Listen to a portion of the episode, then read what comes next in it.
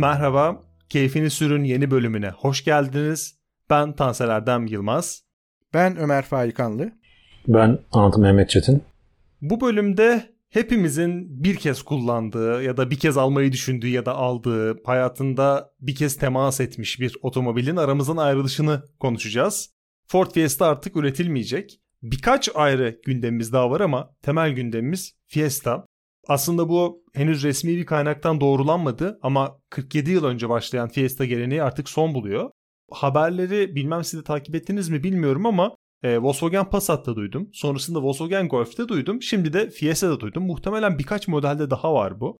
Ama markaların imza otomobil modellerini yavaş yavaş terk edip aramızdan ayrılması benim için temelde şunu ifade ediyor. Belki bu bölümün temel konularından biri değil. Bundan 30 yıl sonra bizim şunu deme hakkımız resmi olarak başlıyor. Bizim zamanımızda Fiesta vardı. Bizim zamanımızda Passat vardı. Golf vardı gibi. Bu sözler artık söyleyebilecek seviyedeyiz. Bizim yaşadığımız dönemde üretimden kalkan ilk imza otomobiller bunlar oldu en azından benim için.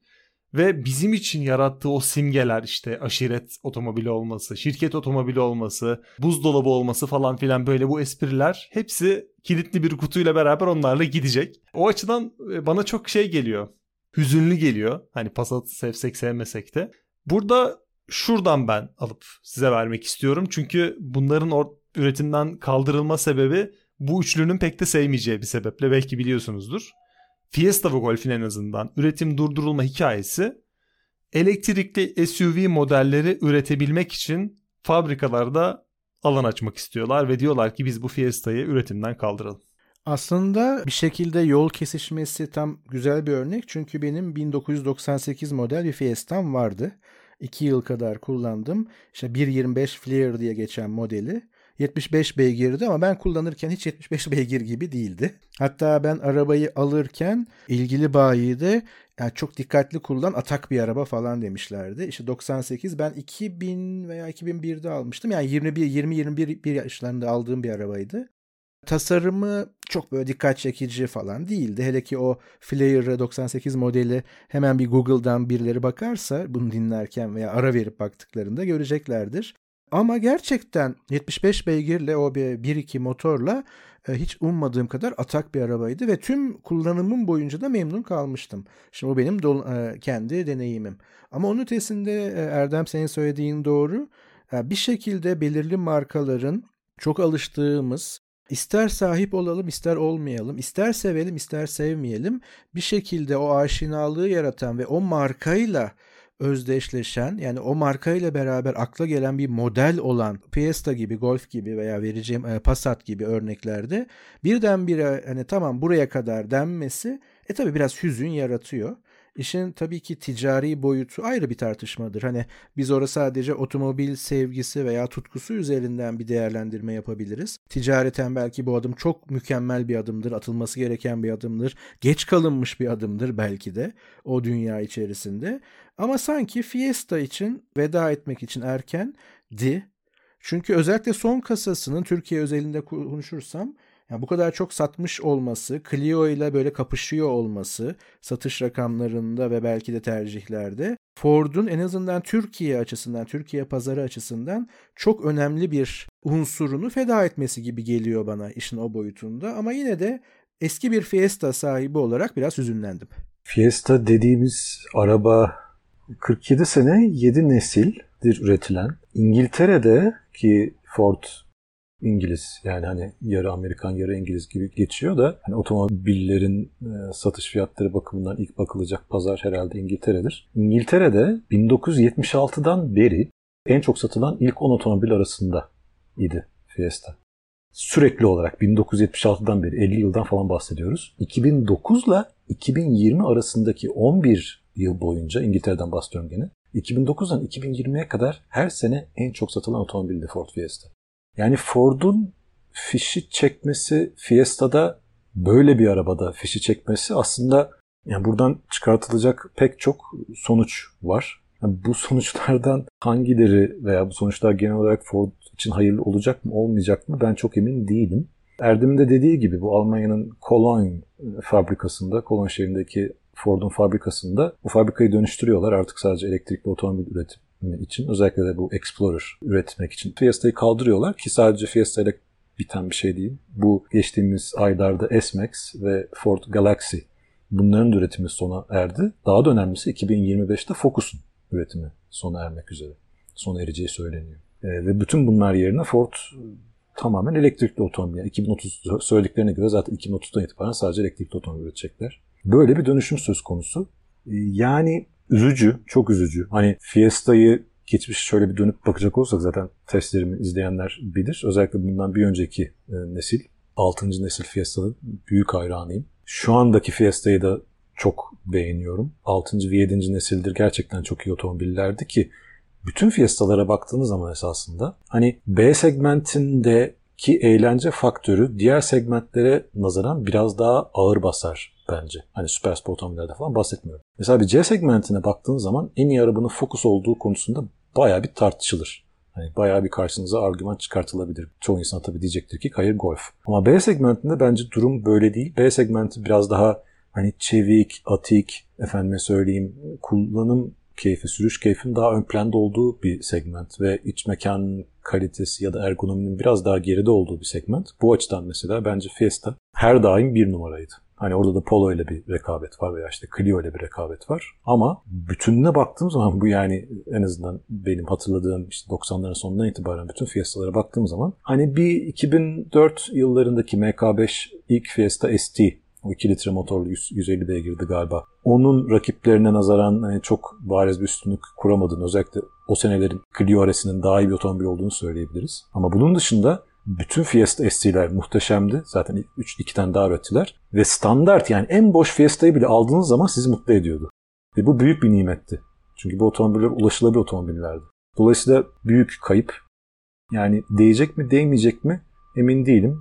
Göreceğiz. Zaten genel olarak bu elektrikli otomobillere geçiş şimdi biraz aceleye getirildiğini düşünüyorum. Sanırım hepimiz aynı fikirdeyiz. Fakat umarım Ford pişman olmaz bu verdiği karardan ötürü. Pişmanlık olur mu bilmiyorum. Muhtemelen olmazlar çünkü elektrikli otomobil üretmenin artık bir zarurete dönüştüğü bir çağdayız. Ama Fiesta'ya dair benim şöyle bir gözlemim olmuştu şahsi olarak tamamen öznel. Bu işte senin bahsettiğin bu e, 6. nesil.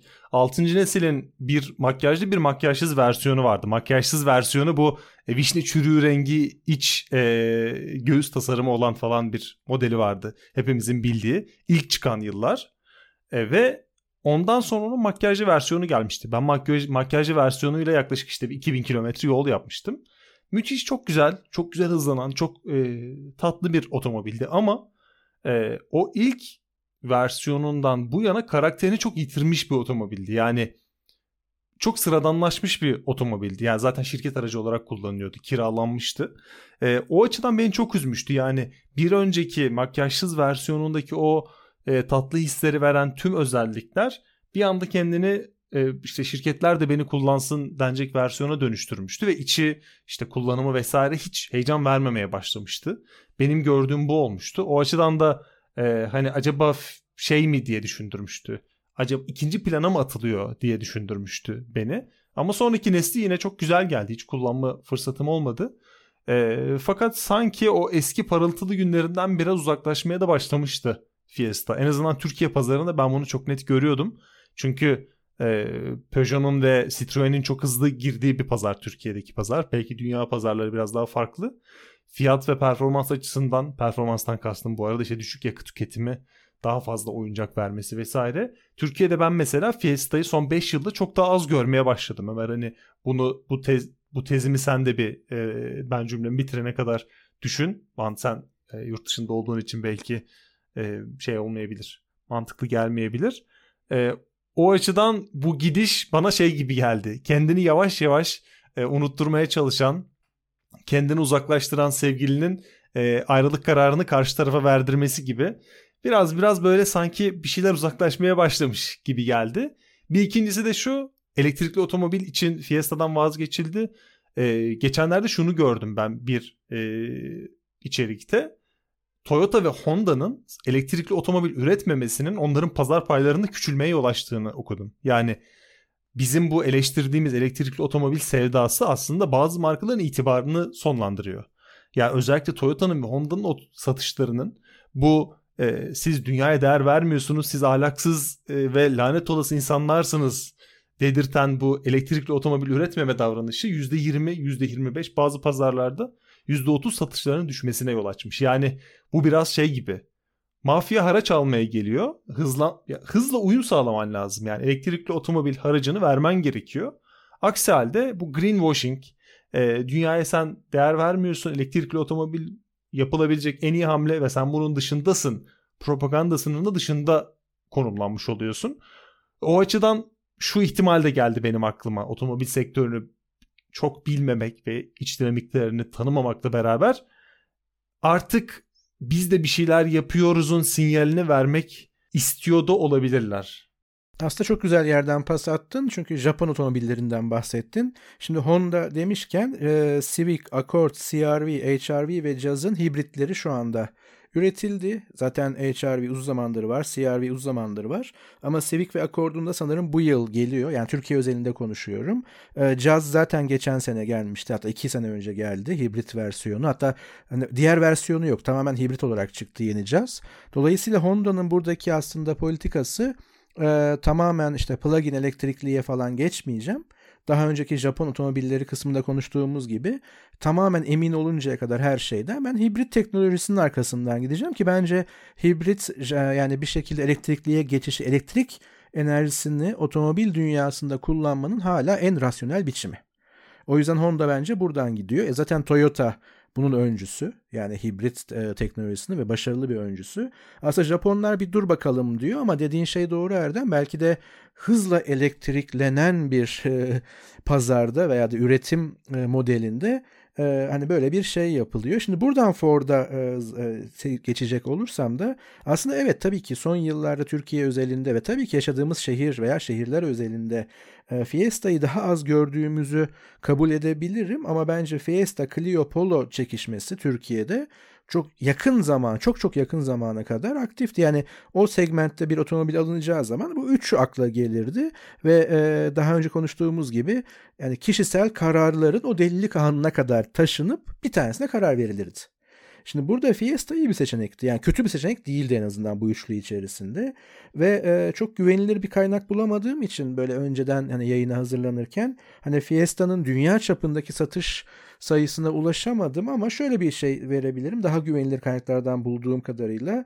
Mesela Clio 12 milyon 300 bin satmış. Golf 25 milyon hatta belki biraz üzerinde dünya çapında satan modeller. Ama e, bence Ford şöyle bir yere oynuyor elektrikliye yani ağırlık vererek. Çünkü dünyada en çok satan otomobil e, en azından bu sayılabildiği zamandan bu yana Toyota Corolla 50 milyondan fazla satmış. İşte ondan sonra Volkswagen Beetle geliyor 21-22 milyonda. Çok ilginç bir şekilde Lada Classic geliyor. Tabii ki demir perde ülkelerindeki zorunlu satış diyebiliriz veya edinme diyebiliriz. İşte 17 milyon civarında ve sonra çok ilginç ve çok eski bir model karşımıza çıkıyor ki Ford T modeli, Model T. Şimdi aslında Ford o günlere dönmek istiyor. Nasıl Model T'de ilk defa böyle bir e, seri üretimde düşük maliyetli veya düşük e, e, fiyatlı bir otomobille insanları gerçekten otomobille tanıştırdı. Yoksa Mercedes-Benz çoktan onu icat etmişti ama Amerika'da çok farklı bir şey yaptı Ford. Ve bence Ford hemen hemen ürettiği bütün otomobillerde çıkışta çok başarılı. İşte benim için Mustang o. Çok ciddi bir Amerikan iç Amerika iç rekabette e, önemli bir e, modeldi. Ama sanki dünyada ve Türkiye'de Ant bunu çok daha iyi bilecek ve anlatacaktır bize. Hani Ford bunu kaybettiğini düşünüyor veya da kaybettiği intibana kapıldığı için o Ford e, Model T atılımını bu kez elektrikli de yapacağım heyecanı yaşıyor. Hani elektrikli treni kaçıyor ben onda önce olamayacağım galiba. O yüzden bütün gücümü oraya yönlendireceğim derken çok başarılı işte bir veya iki yıl söyledi galiba Hans. Hani Focus da gidiyor. E, Fiesta, Focus yani bunlar önemli modellerdi. Hele ki Focus. Yani demek iki yıl içerisinde Ford'u aslında 20. yüzyılın son çeyreğinde Ford yapan, çünkü 76'da Fiesta üretilmeye başlamış yanlış hatırlamıyorsam. Yani modellerden vazgeçip bir tür kumar otomobil anlamında, otomobil tasarım, otomobil teknolojisi anlamında ticari olarak bir şey söyleyemem. Her zaman altını çiziyorum. Ama bir tür kumara yatırım yapıp yeni elektrikli T modelini, Model T'yi e, finanse etmeye çalışıyor belki. Ama aynı şeyi tekrarlamış olacağım. Ama en az otomobil severler için bence bu hüzün verici bir şey. Hüzünlendirici bir şey. Yani tabii e, Model T zamanlarına geri dönüp bir tane Explorer çıkartacağım ve herkes benim arabamı kullanacak. Başka kimse başka araba kullanmayacak gibi bir kafada değildir inşallah Ford. Çünkü şu an rekabet biraz daha fazla. biraz daha çeşit ve biraz daha alternatif var. Özellikle elektrikli otomobil konusunda. Yani dö- konu dönüp dolaşıp bu elektrikli otomobil ve bunların arkasındaki felsefe ve dayatma ve hani gizli oyunlara vesaireye geliyor. Yani e, hep diyorum ya e, tamam elektrikli otomobil yap ama sen her zaman şunu sorman lazım kendine. Neyi Tesla'dan daha iyi yapacaksın? Sen tamamen elektrikli bir Explorer çıkarttığın zaman bu ne açıdan Model S ya da Model X'ten daha iyi olacak? Yani Tesla'nın Supercharge istasyonunu kullanamadığın zaman e, onlardan çok daha az, onlardan çok daha e, nadir olan bu işte DC istasyonlarını vesaireye muhtaç bıraktığında müşterilerini onlar neden ille de gidip Ford alsınlar, senin arabanı alsınlar test almak yerine. Yani e, şeyi çözemiyorum ben kafamda oturtamıyorum. Ne açıdan gerçekten e, rakiplerindeki tekrar tekrar söylüyorum başta Tesla olmak üzere ne tür bir üstünlük kurmayı planlıyorlar. Yani Fiesta'nın üstünlüğünü az önce zaten söyledik. Küçük bir araba, ulaşılabilir bir araba ve rakiplerinin tamamından genellikle bütün nesillerinde sürüş keyfi daha yüksek bir arabaydı ve daha eğlenceli bir arabaydı ve bu yüzden de çok sattı. Bu kadar basit. Yani bunu oturtabiliyorsun. Ama işte Explorer çıkacak, yine bir SUV olacak ve elektrikli olacak. Başka bir araba Ford üretmeyecek. Hani bu kumarın arkasındaki ben zihniyeti oturtamıyorum. Neye güvenerek bunu yapıyorlar, bu kararları alıyorlar? E, Ford markasını bir bütün olarak özel kılan nedir diye düşünecek olursak şöyle bir avantajı var. Ford herhalde şasi mühendisliği konusundaki e, or, ana akım bütün markalar içerisindeki en iyi mühendislere sahip. Yani en standart, en baz bir Focus'u, bir Fiesta'yı bile son derece sürüş keyfi yüksek bir hale getirebiliyorlar. Direksiyon tepkilerini e, çok değişik bir Ford direksiyon tepkisi vardır. Çok enteresan, çok özel bir Ford şasi tepkisi vardır. Bunları yapabiliyorlar. Heh, bunları işte o Explorer'a koyacak olurlarsa ki o SUV'de bu sözün ettiğimiz nitelikler, bu sözün ettiğimiz vasıfların ne tür bir değeri olacak, ne tür bir ağırlığı olacak o ayrı bir konu. Ama bunu yapabildikleri müddetçe o elektrikli otomobillerine bu DNA'yı aşılamaya sürdürebildikleri müddetçe halen Ford'un bir avantajı olacaktır. Yani her zaman muhtemelen o mühendisleri söz ettiğimiz mühendisleri kovmadıkları müddetçe her zaman bir Ford'un sürüş keyfi bir Tesla'dan daha yüksek olacaktır. Bu, bu güzel. Bu okey. Buna tamamım. Ha, yarın öbür gün belki Fiesta yerine başka bir isimde gene bir B segmenti araba çıkartacaklar ve sadece elektrikli olacak. Bu da kuvvetle muhtemel. Umarım yaparlar. Buna da okeyim. Ama şu anda ben markayla tabii konuşmak lazım üst düzey yöneticileriyle ama Ford'un geleceğini bütün bu geçmişi tamamen silip tek celsede nereye doğru gidiyorlar, ne yapmaya çalışıyorlar ben açıkçası kafamda oturtamadım. Aynı soru bu arada yani aynı sorgu benim zihnimde şu açıdan oldu. B segmenti öldü mü? Yani ya da şöyle sorayım. Ee, bu segment kendini B SUV'ye mi bıraktı? Çünkü e, senin dediğin gibi belki bir Fiesta benzeri otomobil gelecek. Volkswagen'de de Golf ya da işte Polo benzeri bir otomobil gelecek.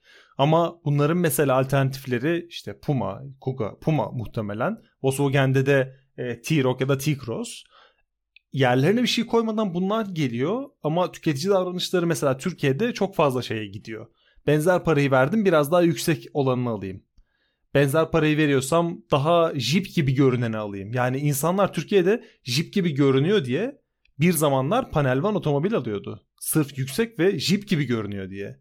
Ya da Ford Focus C-Max, B-Max falan bunlar artık insanlar işlevden ziyade Jeep gibi görünüyor diye alıyordu. Acaba işte bu T-Cross'lar, T-Rock'lar da insanlar böyle bir ihtiyaç duyuyor. O yüzden biz bu B segmentini ve işte BC arasını çünkü çok büyüdükleri için artık iç hacim olarak da biz biraz bırakalım insanlar da keyfine baksın. O arada biz de elektrikli otomobil üretelim mi dediler.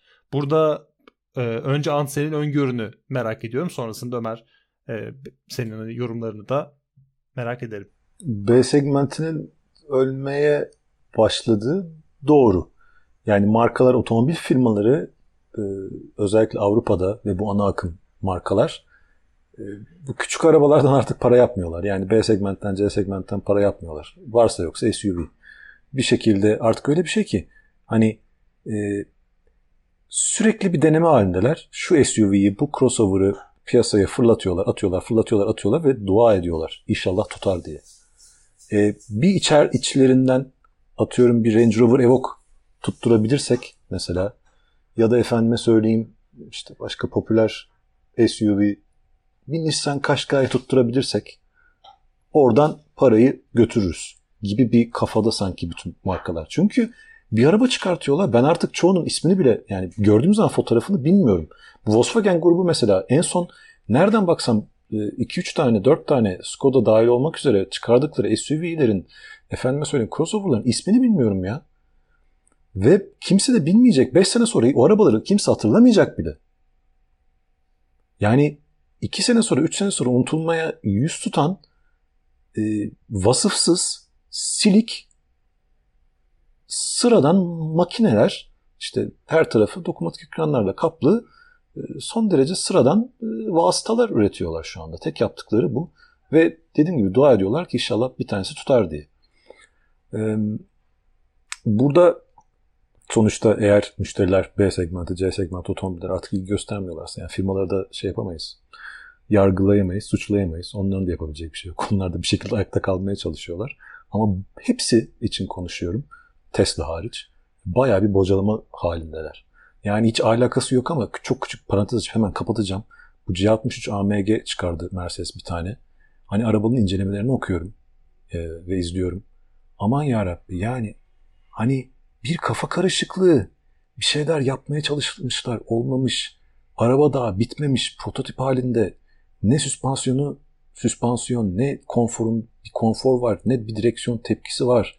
Yani arabanın her tarafı bir saçma sapan bir halde şey olarak hani ya böyle bir şey yaptık denedik diye çıkartmışlar. Neden? Çünkü bir sürü şey denemişler. Bir sürü hani devrimsel e, değişiklikler yapmaya çalışmışlar. Ama ne hiçbiri tamamlanmış ne de bu değişiklikler birbiriyle uyum halinde. Çünkü neden? Senelerdir bir C63 AMG veya bir Mercedes AMG şablonu vardı. Bunu tek celsede değiştirmeye çalışmışlar ve olmamış. Yani orada arabada yapmaya çalıştıkları şeyin yerin oturması belki 10 sene falan sürecek. Ya o arabayı yani aklım almıyor. İncelemelerini izlemenizi tavsiye ederim. Hani station wagon alıyorsunuz mesela B segmenti boyutlarında bagajı var. Niye? Çünkü arkada işte bir bataryası var. Arkada bir arka elektrik arka tekerleklerine güç gönderen bir işte batarya ve söyle adına elektrikli motoru var. Efendim söyleyeyim 2 litre 4 silindirli motoru var arabanın. C63 AMG'nin. Ve buna rağmen mesela bir M3'ten işte 3.0 e, çift turbo motorlu geleneksel turbo motorlu M3'ten daha fazla yakıyor testlerde. Ya böyle saçma sapan bir araba yaptılar. Hani diyorum ya yaptıklarından emin olan ve nereye gittiğini bilen bir Tesla'yı görüyorum. Geri kalan otomobil firmaları bir bocalama halinde, bir panik halindeler. Hani ucundan tutmaya çalışıyorlar. Bu yatırımcılıkta vardır ya hani işte Bitcoin örneğinden gidelim. Yükseldiği zaman satın alan, her düştüğünde de satan, böyle nereye gitse peşinden giden ve her hareketinde iki saat sonra para kaybeden insanlar. Bunun gibiler. Yani hızlıca Ömer sana top atmadan şunu söyleyeyim. Volkswagen'in aynı segmentte, aynı boyutta, hemen hemen aynı motorda ve aynı iç tasarımda olan 3 otomobili var şu an. T-Cross, T-Roc, Taygo. Ee, bir kısmını içinde bulundum. Birini sürdüm. E, hepsi şunu diyor. Bizim Polo çok iyi araba. Bu Polo'nun dışına biz bir şeyler yapalım. Öyle kullanalım. İçi her şey aynı. Bir Volkswagen Polo'yla. İç tasarımı yüz, tamamen aynı. Özellikle mesela Taygo gibi modellerde. Biraz yükseltelim bunu. İşte insanlar yüksek otomobil seviyor dediğin o. Ben de bu açıdan düşünmemiştim hani bunu deniyorlar, deniyorlar, biri tutar diye. Gerçekten bu açıdan yapıyorlar muhtemelen. Bir de şu geldi aklıma. Bu tamamen komple teorisi. Farklı pazarlar için sanırım bu otomobiller önce üretiliyor ve sonrasında e, tutması muhtemel pazarlarda aynı anda mı acaba sürülüyorlar? Türkiye'de mesela şey yoktu. E, atıyorum sedan pololar Türkiye'ye hiçbir zaman gelmedi ya da sedan fiestalar ama gittiğin zaman Hollanda'da hep görürdün bu otomobilleri de Avrupa pazarında. Hani Türkiye pazarında eskiden olmayan otomobiller şu an burada da belki tutar diyerek o işte 1 milyon altı bantta Türkiye'de acaba satılmaya mı başlandı da bu birbirinin aynısı otomobil modellerini görür olduk. Böyle şu an aklıma gelen bir soru bu. Belki yanıt olmayabilir. Ya, oradan alayım ben. Ee, vakti zamanında Clio'm varken Türkiye'ye gelen e, Fransız dostlarımızı misafir etmiştik. E, onları bir yerden bir yere götürürken şöyle demişlerdi. Türkoloji okuyorlardı. Çok da iyi Türkçe biliyorlardı. Ee, bir Fransız otomobilinde olmaktan çok mutluyum ama ilk defa bir sedan Clio görüyorum. Ee, Türkiye'de demişti. Benimki sedan değildi ama Türkiye'de Clio'nun sedanları da varmış falan diyordu işte simbol hani o zamanki. O yüzden belki evet bölgesel veya da o pazara göre tabii ki üretimler veya hani getirilen götürülen modeller var ama e, senin dediğin yere bağlayacak olursam aslında işte Ford özelinde belki o devrimsel Model T'yi arıyor derken bunu kastettim. Çünkü bütün markalar Ford'da yeniden bir devrim yapmaya çalışıyor. O yüzden eski yani eski ismi kullanmak istemiyor belki de. Hani Fiesta'yı, Clio'yu belki bir gün Renault veya işte Polo'yu Volkswagen veya işte Focus'u benzer arabaları tarihe gömmesi, modelin tarihe gömmesinin sebebi şu. Yepyeni bir şey üretiyorum. Halbuki burada evrim gibi bir seçenek daha var. Yani bu modeller DNA'sını koruyarak, segmentini de koruyarak bence yani tabii ki evrim geçirecek. Ama bunu devrim gibi sunmak ki aslında evrim geçiriyor bir anlamda. ismini değiştirmek, elektrikli yapmak, işte başka başka şeyler yapmak aslında hem büyük bir risk hem de her seferinde Andın dediği gibi kaybettiren bir şey. Çünkü e, şeyi unutuyor sanırım bu markalar. Mesela ilk arabam ne olacak? Ben 18 yaşındayım. İmkanım var. İşte, onlara hiç girmeyelim. Hani ilk arabam. Ya da işte e, belirli bir noktaya geldim. Sadece otomobil keyfinden bahsetmiyorum. C segmentine geçmem gerekiyor. Hani ihtiyaçlarım veya keyfim veya da başka bir şeyden dolayı ne olacak? Hani bu segmentler elbette ki e, tanrı kelamı değil. Hani yenileri çıkacak, araları çıkacak, başka çıkacak ama bu kadar vazgeçerek, B'yi öldürerek, küçük araba satmıyor, en iyisi crossover ve SUV'ye çevirelim bu işi. E, bu biraz bana hani Steve Jobs'ı hatırlatıyor. Yani insanların farkında olmadığı ihtiyaçlarını onlara gösteren ürünler üretim veya satın. Hani acaba gerçekten insanlar mı bunu talep ediyor?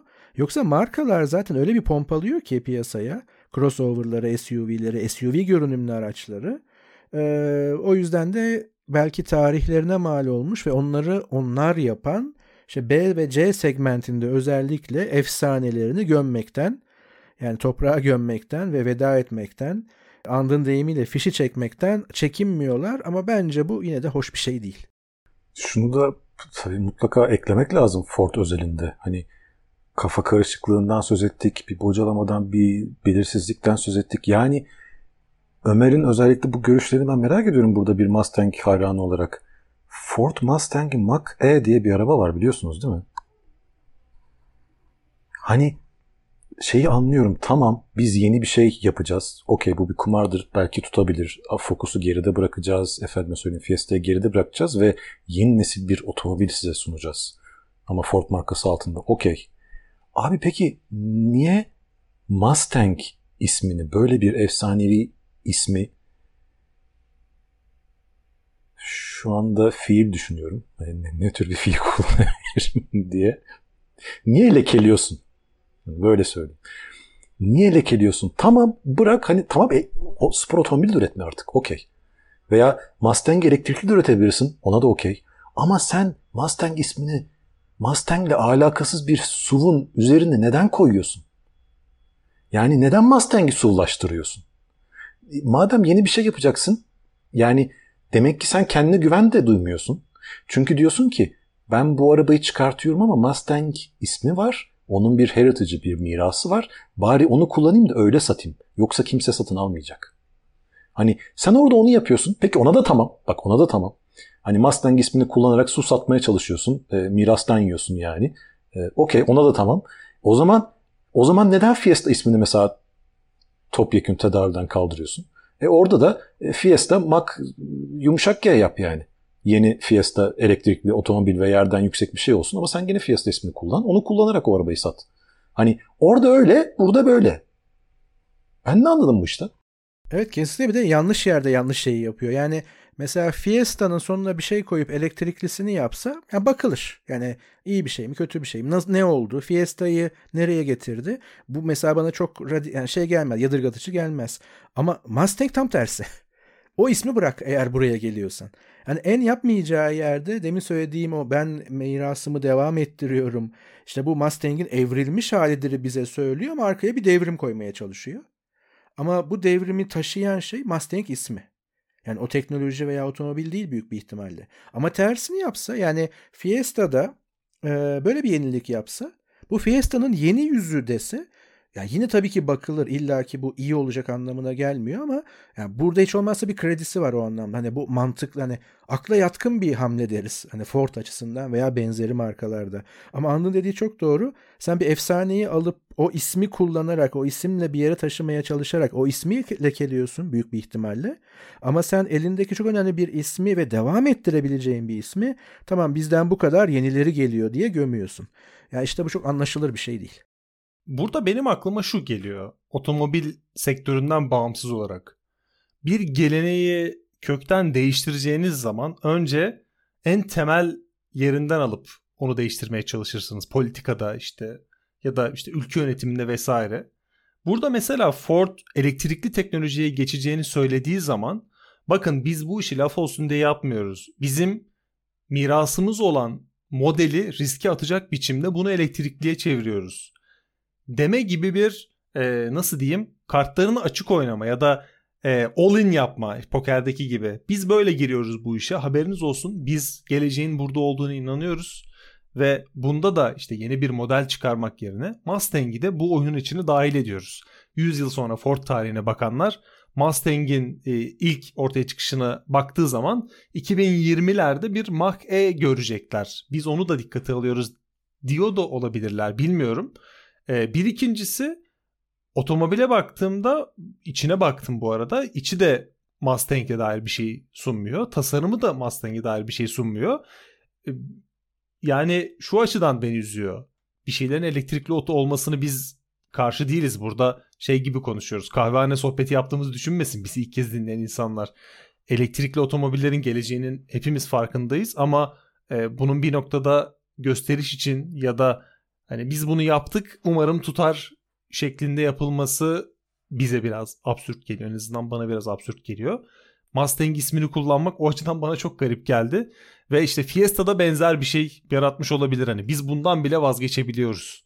Hani çünkü işin bu manifesto kısmı sanki ağır basıyor gibi. Ve bu ağır basış sanırım markalara bu tip e, keskin hamleler yapma isteği de yaratmış da olabilir. Bilmiyorum. Ee, burada hemen şöyle söyleyeyim dinleyicilerimiz aradaki S'i duymayacaklar çünkü orası editlenmiş olacak. Biz sözün bittiği yerdeyiz. Fiesta'ya veda ettik kuvvetle mu- e, muhtemel. Elektrikli konusundaki şüphelerimizi yine vurgulayarak ilan etmiş olduk. Ama hakikaten bir noktadan sonra e, büyük patronlar karar veriyor. Sonuçta bu şirketlerin e, yönetim kurulları şunlar bunlar e, otomobil severleri hatta müşterilerini bile dinlemiyorlar. Onlar bir politika yani ilk etapta en azından bir politika çiziyorlar ve bu politika gereği olarak görünen o ki Fiesta'ya veda ettik, Focus'a veda etmek üzereyiz tarihe gömülen pek çok model. Yani bu modeller illa böyle süper sporlar veya işte efsaneler falan değil ama çok satması, işlevsel olması, çoğu insanın ilk arabası olması e, veya da o keyifli otomobiller listesine girmesi anlamında aslında bir Fiesta, bir Clio da efsaneler arasındadır şimdiden. Daha sayabil sayamadığım şu anda pek çok modelle beraber. E, bu da bir efsanenin ölümü yani onu demeye çalışıyorum. İlla ki öyle tarihte büyük büyük yazılması gerekmez. O tarihe yazılması yeterlidir. O halde haftaya yine otomobil tutkusuyla konuşacağımız şeyler var test ettiğimiz bir otomobil üzerine konuşacağız. Bize gelen bir eleştiri üzerine tartışacağız ve yine özel bir konumuz olacak. Haftaya görüşmek üzere. Görüşmek üzere. Hoşçakalın.